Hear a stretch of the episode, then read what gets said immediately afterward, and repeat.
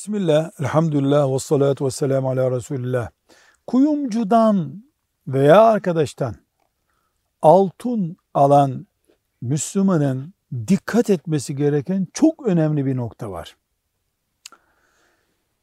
Eski bir altını verip yeni bir altın bilezikti vesaireydi alırken gramı aynı olan şey alınabilir.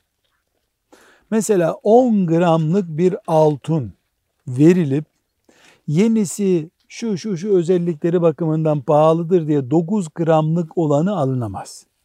10 gram veren 10 gram alır. Altında böyle bir özellik var. Bu eğer bir tarafa zarar sebebi oluyorsa çözüm şöyledir. Elindekini verirsin piyasa fiyatından satarsın.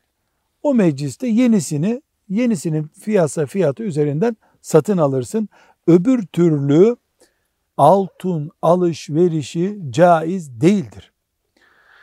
Aynı şekilde altın ticaretinde kuyumcuda satılıyorsa mesela ticaretin, alışverişin orada bitmesi lazım.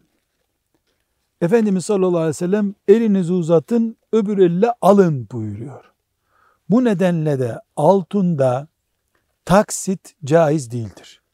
Altın ve gümüşten başka şeylerde taksitle taksit yapmak caizdir. Altın ve gümüş orada alışveriş bitecek. Herkes parasını verecek. E, malını alacak gidecek şekilde ancak caiz olur. Velhamdülillahi Rabbil Alemin.